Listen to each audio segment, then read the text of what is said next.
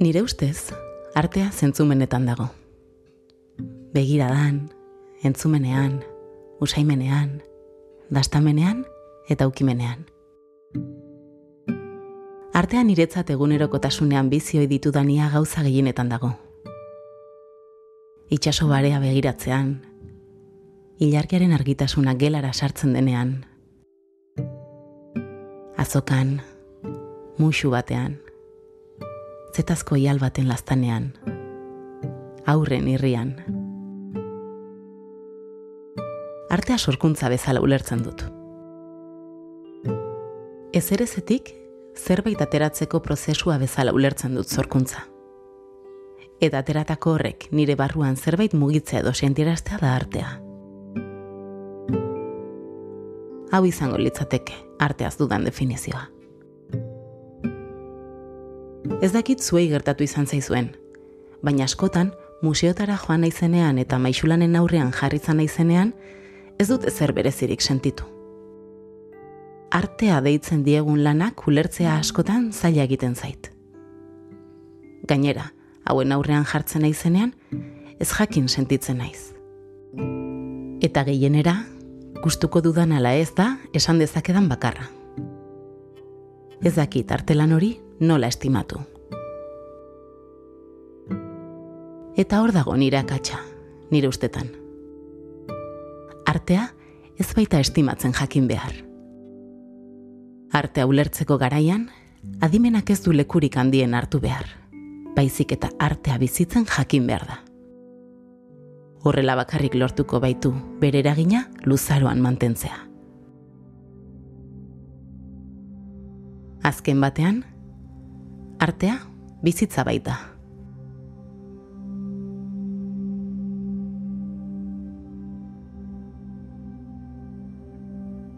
Naomi Mendizabal naiz eta urratsa da.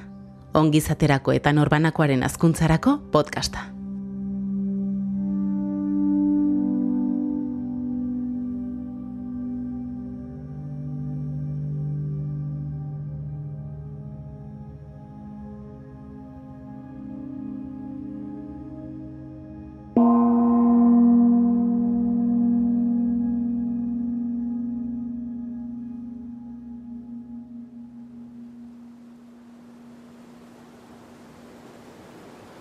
Bidaia batean sartze hartzaude.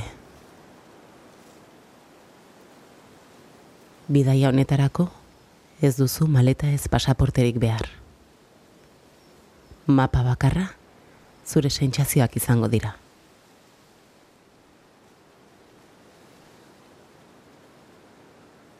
Hauek erakutsiko baitizute bidea eta zuk erabakiko baituzu noraino iritsi nahi duzun.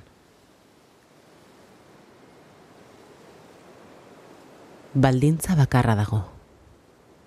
Baimendu zure burua, bidaian agertzen zaizun edo zer sentitzera eta onartzera. Eta ondoren, gorde bizitakoa.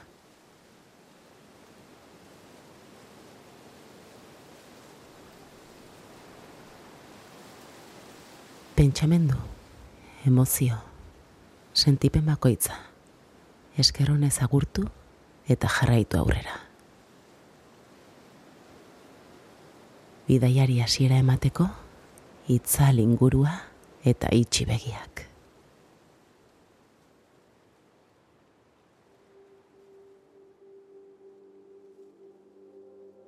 Eremu lasai eta seguru batean zaude.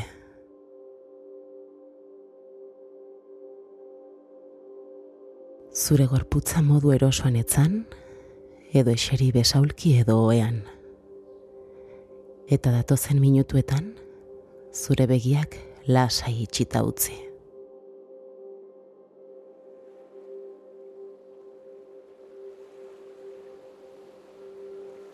Gorputz fisikoa lasaitzeko, harreta gorputzeko atal bakoitzera ekarri, eta tentxatu eta soltatu gihar bakoitza.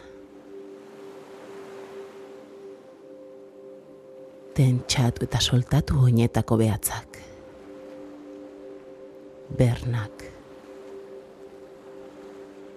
izterrak,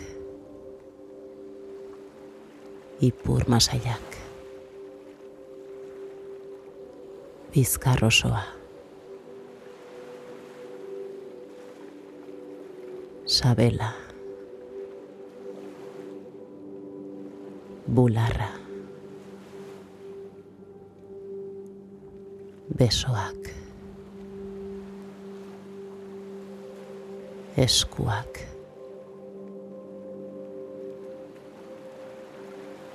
Eta eskutako atzak. Sorbaldak. Lepoa. Aurpegiko giar bakoitza. Matraia. España. A Osabaya. Me engaña. Masayak. Sudurra. Begiak.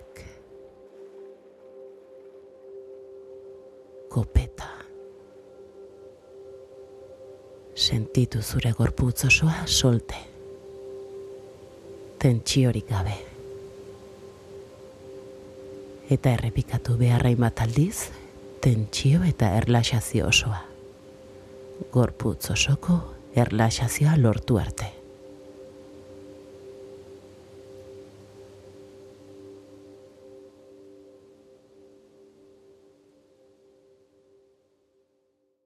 Hasi zure arnasketari atentzioa eskaintzen. Begiratu, sentitu zure gorputzak nola hartzen duen arnaz. Sentitu zure arnasketa, aur baten arnasketa balitz bezala. Sentitu nola inolako esfortzurik gabe, bere arnasketa sakona eta lasaia den.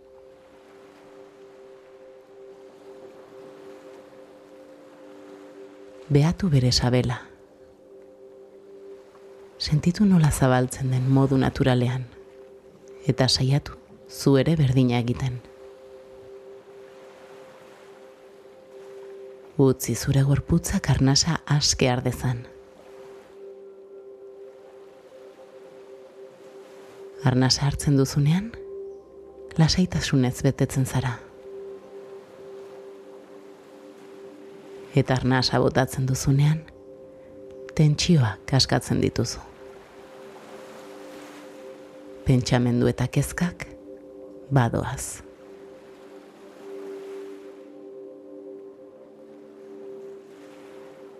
Jarraian, jarri arreta zure sudurrean.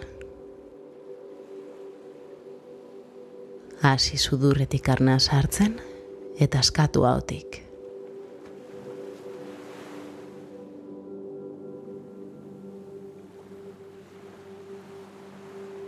hautik. utzia izedena kanpore irteten.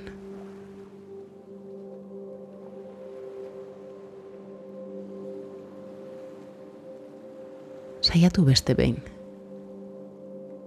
Artu arnasa sudurretik eta askatu guztia haotik.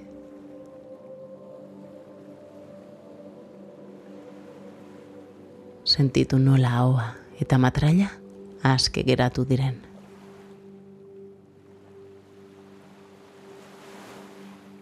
Azken saiakera bat. Kontzentratu. Ahoa, Espainiak eta matraia aske sentitzen. Eta utzi azken atxa kanpora irteten.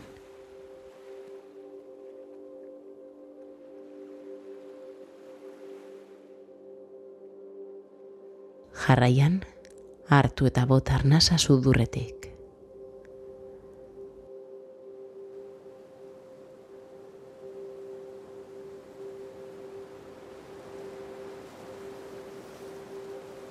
Egin arnasketa modu harmoniatxu eta lasai batean, isiltasunean.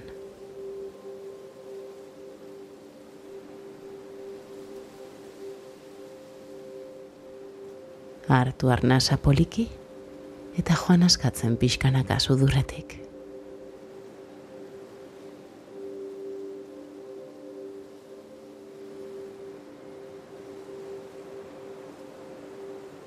Errepikatu prozedura hau, behin eta berriz.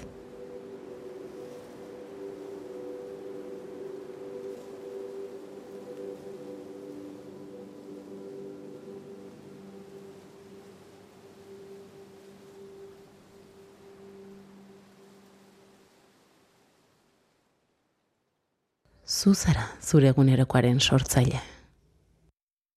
Zure imaginatzeko gaitasunak, zuk uste baino energia gehiago du zure oraina sortzeko.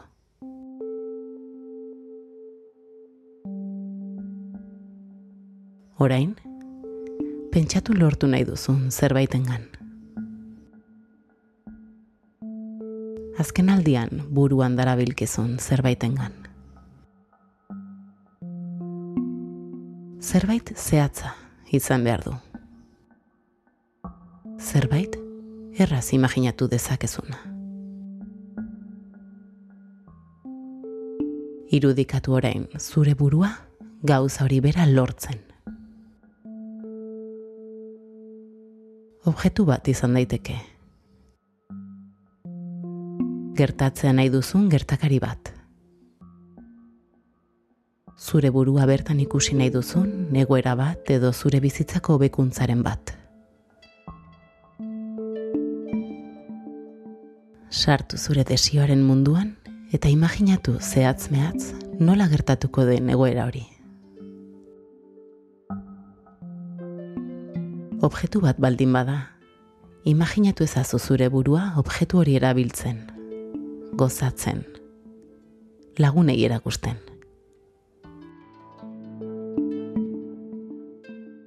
egoera edo gertakari bat baldin bada, imaginatu zure burua gertakariaren lekuan. Guztia, zuk espero bezala gertatzen ari dela ikusten. Jendeak dioena ere, imaginatu dezakezu. Edo errealagoa egin dezakeen beste hainbat xeetasun gehitu.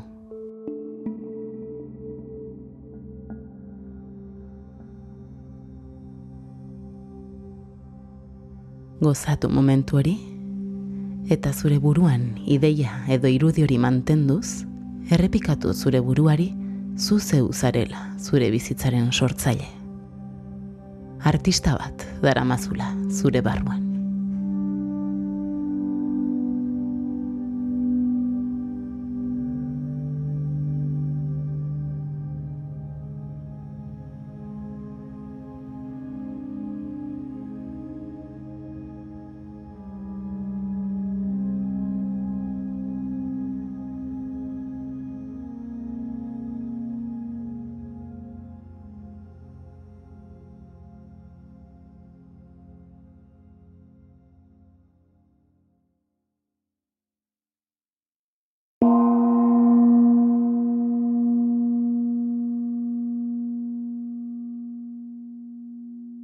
Naomi mendizabal naiz eta aurratxe izan da.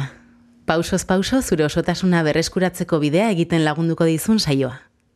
Dagoeneko hogeita bigarren saioa dugu, eta den denak entzunga dituzu EITB podcasten edo zure audio plataforman.